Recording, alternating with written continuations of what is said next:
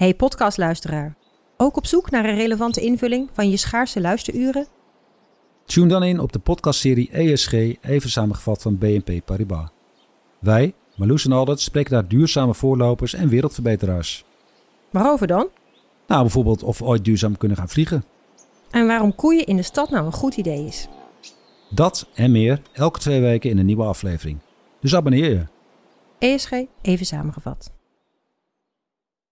Ik ben al jaren ondernemer, maar waar moet ik eigenlijk allemaal aan denken nu ik voor het eerst personeel wil aannemen, voor het eerst ga importeren of voor het eerst een bedrijfslocatie zoek? Weet wat je wel of niet moet doen bij zaken die je voor het eerst oppakt. Check kvk.nl voor praktische stappenplannen. KVK, hou vast voor ondernemers.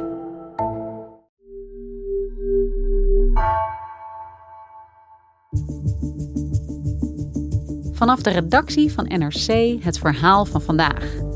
Mijn naam is Floor Boon.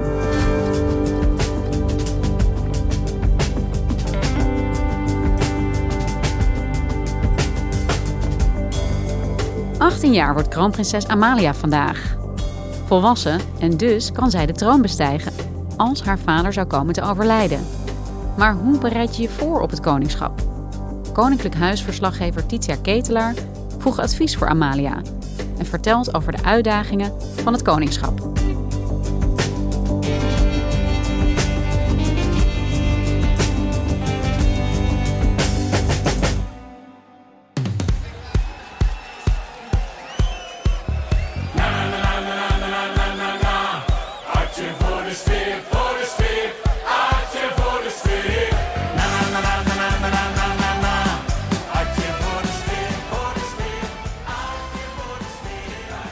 Titia, ik hoor hier een, ja, een après-ski nummer, denk ik, zou ik het noemen. Waarom laat je mij dit horen?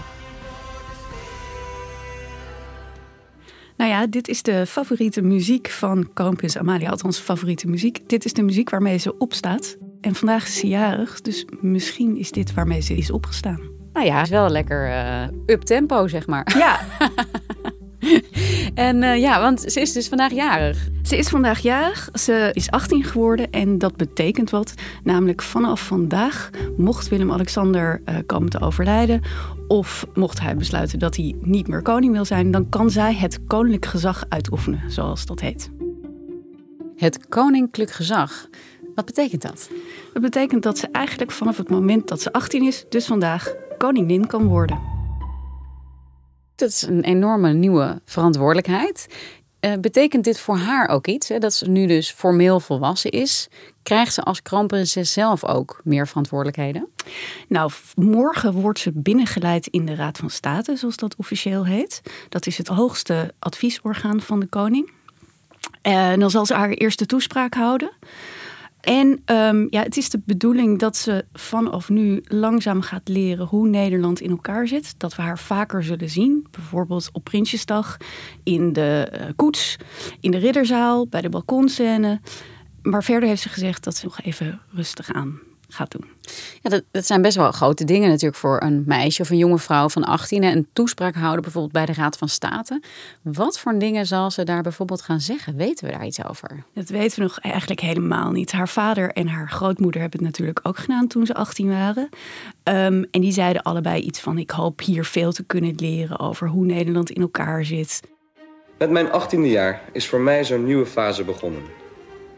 Als aankomend lid hoop ik in de komende tijd van u allen, die in deze raad bent benoemd op grond van lange ervaring in de maatschappij, veel te kunnen leren. De koning, dus Willem-Alexander, is voorzitter van de Raad van State. Die komt een paar keer per jaar bij zo'n vergadering.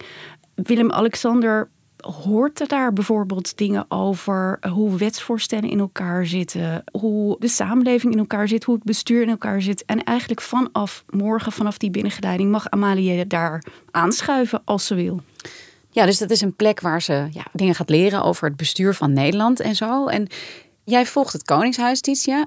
Hoe kijk jij naar Amalia nu? Hè? Ze kan dan nu formeel koningin worden, maar ze wordt er natuurlijk ook wel al een tijdje voor klaargestoomd.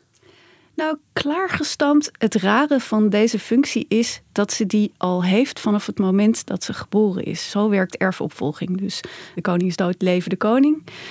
Dus vanaf het moment dat ze er was, is dit haar toekomst. Haar lotsbestemming. Haar lotsbestemming.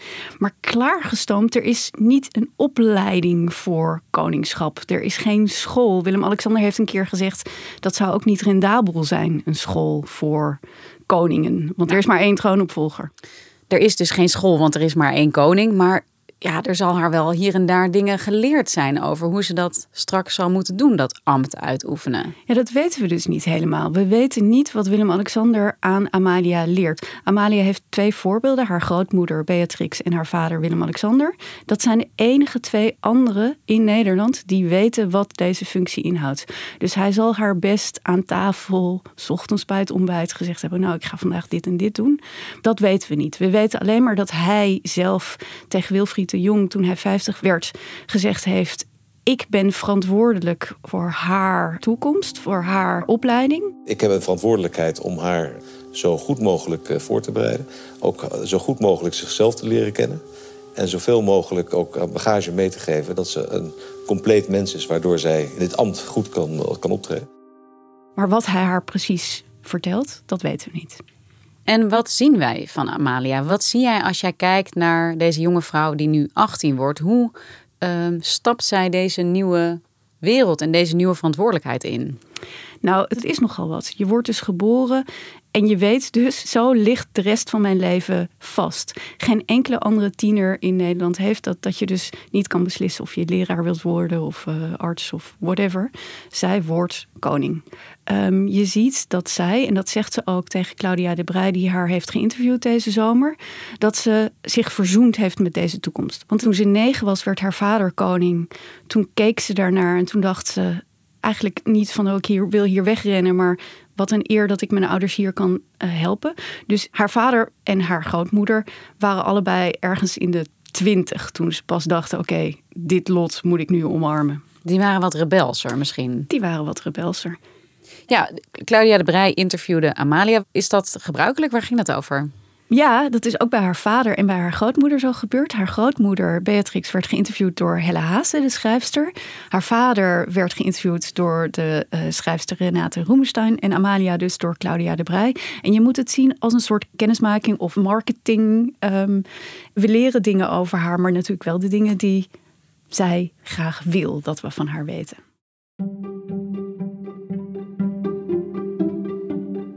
In dat boek van Claudia de Brij leren we Amalia dus beter kennen. Leren we eigenlijk ook wat ze op dit moment van plan is. Op dit moment heeft ze een tussenjaar. Ze loopt ergens stage. Haar ouders willen niet zeggen waar, alleen maar dat ze veel mensen leert kennen, veel nieuwe dingen leert. Daarna wil ze uh, gaan studeren. De traditie is in Leiden, maar daar heeft ze zich nog niet over uitgesproken. Ze wil een bachelor in Nederland gaan doen en een master in het buitenland, heeft ze gezegd. Willem-Alexander en Maxima hebben daar een hele bewuste keuze in gemaakt. Zij vinden dat Amalia, maar ook Alexia en Ariane moeten opgroeien als normale kinderen. Een beetje reizen, de wereld ontdekken, dingen doen die ik uh, misschien over twintig jaar niet meer kan doen. En er is een bepaalde reden voor. Willem-Alexander heeft gezegd, en dat ik vermoed uit ervaring, dat je jezelf zoveel mogelijk moet leren kennen. Als je jezelf niet kent, kan je nooit een publiek uh, ambt goed vervullen. Dus je moet eerst jezelf door en door leren kennen. En dat is wat ik bij Amalia ook steeds benadruk. Leer jezelf kennen. Ken je eigen grenzen. Ga er overheen. Maak fouten. Kan dat eigenlijk wel als koning? Kun je je kinderen wel opvoeden als normale kinderen binnen zo'n bubbel die zo los staat eigenlijk van ja, de werkelijkheid die voor de meeste mensen geldt?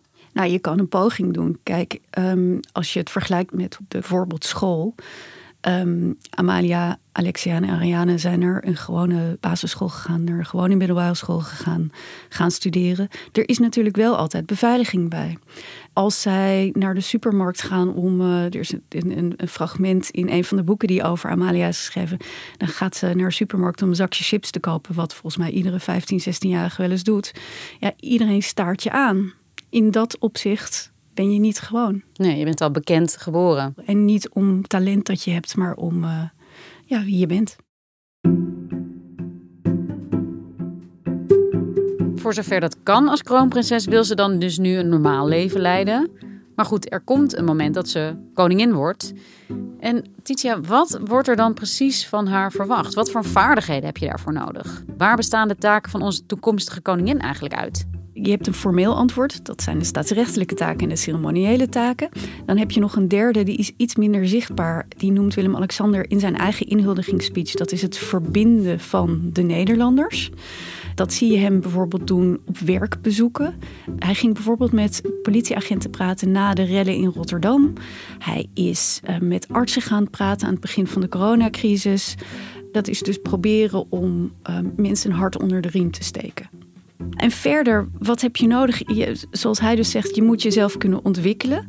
Ik ben zelf voor NRC op zoek gegaan naar ja, wat voor kwaliteiten zou een koning nou eigenlijk moeten hebben? Wat voor functie-eisen? Wat vinden deze 17 miljoen Nederlanders van? Nou, die heb ik natuurlijk niet allemaal gesproken. Maar eigenlijk vanaf de middeleeuwen bestaat er iets dat een vorstenspiegel heet. Een vorstenspiegel? Dat is ongevraagd advies aan een toekomstige vorst. Erasmus heeft er in 1516 een voor Karel V geschreven.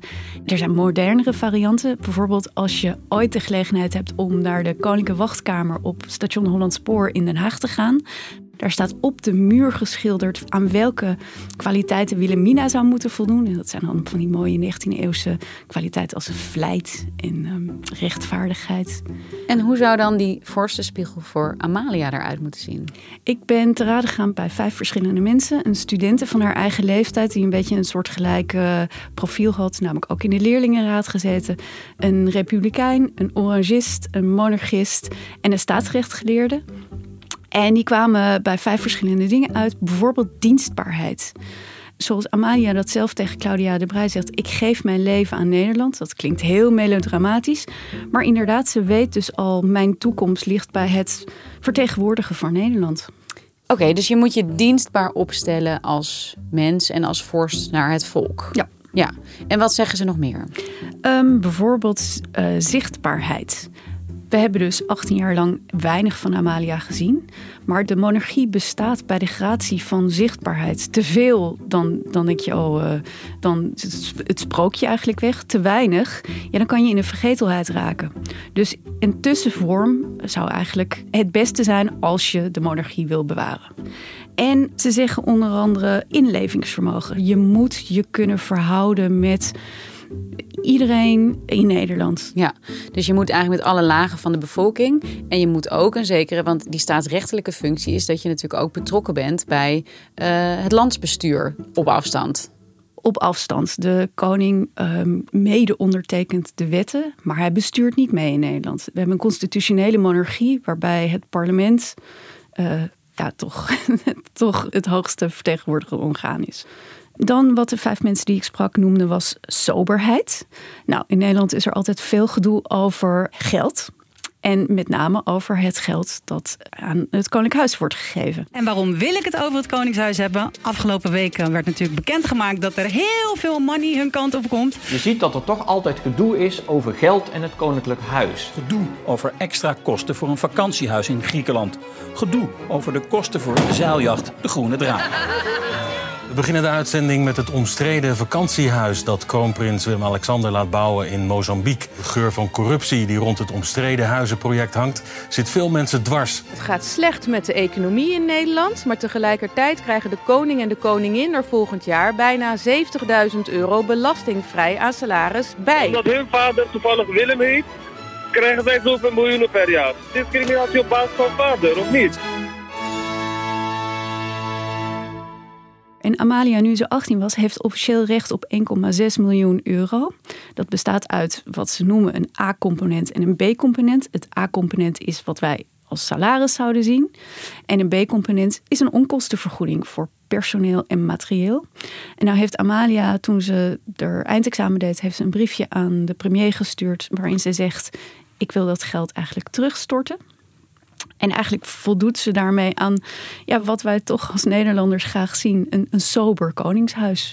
En is dat dan een principiële keuze of is het tactisch? Of hoe moeten we dat zien? Ik denk dat het tactisch is, maar ze zegt ook: ik wil de komende jaren nog niet naar voren treden. Dus zij maakt van die onkostenvergoeding geen gebruik, zolang ze in haar rol als prinses van Oranje geen onkosten maakt. En daarmee zegt ze eigenlijk: zolang ik studeer, zal ik niet heel veel dingen doen.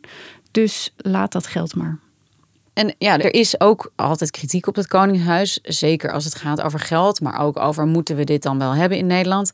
Krijg je een beetje een beeld uit het boek ook over hoe Amalia daar zelf naar kijkt? Is ze zich bewust dat ja, die kritiek ook bestaat in Nederland? Nou, ze is zeker zich ervan bewust dat er 17 miljoen meningen zijn over wat het koningschap inhoudt en wat een koning moet doen en kunnen. Wat ze vooral laat merken is dat ze, dat zegt ze ook, een muur om zich heen gebouwd heeft om zich te weren tegen de kritiek op sociale media. Eigenlijk een half uur na haar geboorte werd er al gezegd dat ze lelijk was. Toen ze negen werd er gezegd dat ze zichzelf maar moest ophangen. Dus er is ook automatisch kritiek op haar persoonlijk. Terwijl het helemaal niet om haar gaat. Het gaat om de functie die ze het gaat gaat om de functie. Ja, het is ook gewoon een meisje en een jonge vrouw. Ja. En dan zijn er nog meer adviezen, geloof ik, hè? Ja, de laatste, en dat is een interessante, dat is keuzevrijheid. We hebben het al eerder over gehad. Eh, vanaf haar geboorte ligt eigenlijk vast wat zij wordt. Ze heeft dus geen keuze in wat ze anders zou willen worden. Als een van de weinige Nederlanders moet zij toestemming aan het parlement vragen als ze gaat trouwen. Mocht zij met iemand trouwen waarvan het parlement zegt: eh, ho, ho, stop, stop. We geven je geen toestemming. Dan wordt ze dus geen koningin, maar dan wordt automatisch haar zusje het. Dus eh, daar ligt een soort druk op de familieverhoudingen. En als een van de weinige Nederlanders heeft ze ook geen vrijheid van meningsuiting. Dus de koning, eh, en dat heeft Willem-Alexander wel eens gezegd, dat dat voor hem het moeilijkste is van het koningschap. Dat je wel dingen vindt, maar die nooit mag uiten. Ja, want het gaat over de ministeriële verantwoordelijkheid. Alles wat de koning of de koningin zegt, daarvoor is de premier is verantwoordelijk. Ja, niet alleen zegt, maar ook doet. Je weet misschien nog dat vorig jaar herfst ging de koninklijke familie eh, met vakantie naar Griekenland. Op dat moment dat mocht. Dat was een geel advies. Maar de premier had net twee dagen eerder iedereen opgeroepen om zoveel mogelijk thuis te blijven. Nou, daar ontstond ophef. In dit zeldzame geval bood de koning excuses aan. Maar de eerste vier, vijf dagen hoorde je alleen Rutte dit ehm, besluit verdedigen. En wat betekent dit eigenlijk voor Amalia? Iemand die dus ja, eh, straks onze koningin wordt en nooit eigen vrijheid van meningsuiting heeft gekend. Hoe kijkt zij daarnaar? Nou, ze zal uh, aan de keukentafel of met haar beste vrienden heus wel eens een keer zeggen: uh, ho, ho, ho, dit en dit en dit. Maar um, buitenshuis zal ze nooit zeggen wat ze van de politiek vindt, bijvoorbeeld. We weten dat ze op de tribune van de Tweede Kamer heeft gezeten, een debat heeft gevolgd. Maar wat ze nou van het debat vond of van de verschillende politieke partijen, dat zal ze nooit loslaten. En zij draagt dit, heeft ze dus ook tegen Claudia de Brij gezegd, best wel goed. Hè? Ze accepteert haar lot al eigenlijk veel eerder. Um, heeft ze wel eens iets laten horen over wat ze daarmee wel en niet kan doen in het publiek en wat ze moeilijk vindt? Nou, dat is het interessante. Je bent pas koning als de andere koning weg is. Dus wat die functie voor haar precies inhoudt, hoe ze hem invult, dat weten we pas op het moment dat zij wordt ingehuldigd. Hoe zit het eigenlijk met die termijn? Wanneer Weten we iets over wanneer Amalia haar vader misschien wel gaat opvolgen? Nou, het kan dus morgen zijn eh, als hij overlijdt. Maar het kan ook 30 jaar zijn, het kan 40 jaar zijn. Kijk naar Prins Charles bij de Britten, die um, inmiddels, ik geloof dat hij 76 is en zijn moeder 95. Een heleboel jaar wacht je. Je hele leven. Je, je, wacht je hele leven, ja. Ja, en mogelijk kijken we tegen de tijd dat zij koningin wordt... misschien ook wel anders tegen de monarchie aan. Ja, dus jij vroeg net, hoe gaat zij het doen? Dat ligt aan twee dingen. Namelijk één, hoe zij zelf die functie tegen die tijd ziet en hoe ze hem wil gaan invullen. En waar ze zelf de ruimte ziet om die te kunnen invullen. Maar ook hoe Nederland op dat moment het koningschap ziet. Op dit moment um, heeft de koning nog een aantal staatsrechtelijke taken naast ceremoniële taken. Het kan best zijn dat tegen die tijd nog alleen maar een koning willen die een ceremonieel koningschap uitvoert. Of dat we tegen die tijd de monarchie hebben afgeschaft. Of willen afschaffen. Want Tietje, hoe zit het eigenlijk op dit moment met de populariteit uh, van het Koningshuis in Nederland? Nou, die is gedaald. Er wordt ieder jaar een peiling gehouden op Koningsdag. De afgelopen jaren is die ook tussendoor een paar keer gevoerd. hij was heel hoog. 74% van de Nederlanders is voorstander van de monarchie. Dat was de, bij de laatste peiling, dat is één peiling, en die werd toen in september gehouden, was het 57%. Dus een fikse daling. Maar het interessante is dat die peiling altijd op Koningsdag werd gehouden. Dus uh, ook mensen waren blij, hadden een vrijdag, alles was oranje. Um, voelde je weer even uh, misschien verbonden met het Koningshuis. En nu die tussendoor wordt gehouden, eigenlijk moet je over een langere tijd ook tussentijdse peilingen bijhouden. Net zoals bij politici, om te zien wat is nou eigenlijk de steun voor de monarchie. Als Nederland nou beslist van we willen af van die monarchie, hoe kan het worden afgeschaft? Ja, dan is er echt een grondwetswijziging nodig. En daarvoor heb je twee derde meerderheid nodig in de, zowel de Tweede Kamer als de Eerste Kamer. En vervolgens dan een nieuw parlement dat die grondwetswijziging bekrachtigt. Dus dat, is niet een proces uh, wat we volgende week gedaan hebben. Nou goed, ik weet dat het een gekke vraag is misschien, maar stel je nou voor Nederland zou de monarchie wel afschaffen. Zou dat nou iets zijn dat ze misschien wel erg zou vinden? Of misschien ook wel als een soort bevrijding zou zien? Nou, Claudia de Brij die vroeg dat aan haar in de interviews die ze had. Ze heeft ook een soort besef dat, en dat zegt ze ook letterlijk zo, de monarchie is groter dan ik ben. Zij is één poppetje in een continuïteit natuurlijk. Dus er zijn bewegingen om uh, bijvoorbeeld de erfopvolging af te schaffen. Er is een campagne van de Republikeinen op het moment Free Amalia. Ja, als je haar bevrijdt, dan komt het automatisch bij haar zusje uit. En dan bij haar andere zusje. En dan bij haar oom. En nou ja, ga zo maar door. Maar ze zegt wel, als ze het afschaffen, ze mogen het doen hoor. Want dan ga ik uh, ook door met de rest van mijn leven. Dankjewel, Titia.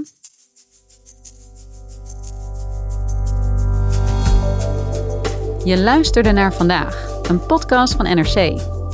Eén verhaal, elke dag. Deze aflevering werd gemaakt door Mila Marie Bleeksma, Henk Ruigrok van der Werven en JP Geersing. Dit was vandaag. Morgen weer.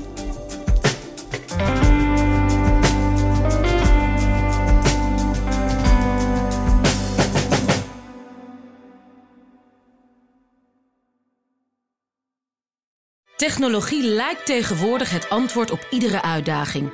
Bij PwC zien we dit anders. Als we de potentie van technologie willen benutten, kunnen we niet zonder een menselijk perspectief. Human-led, tech-powered noemen we dat. Ga naar pwc.nl.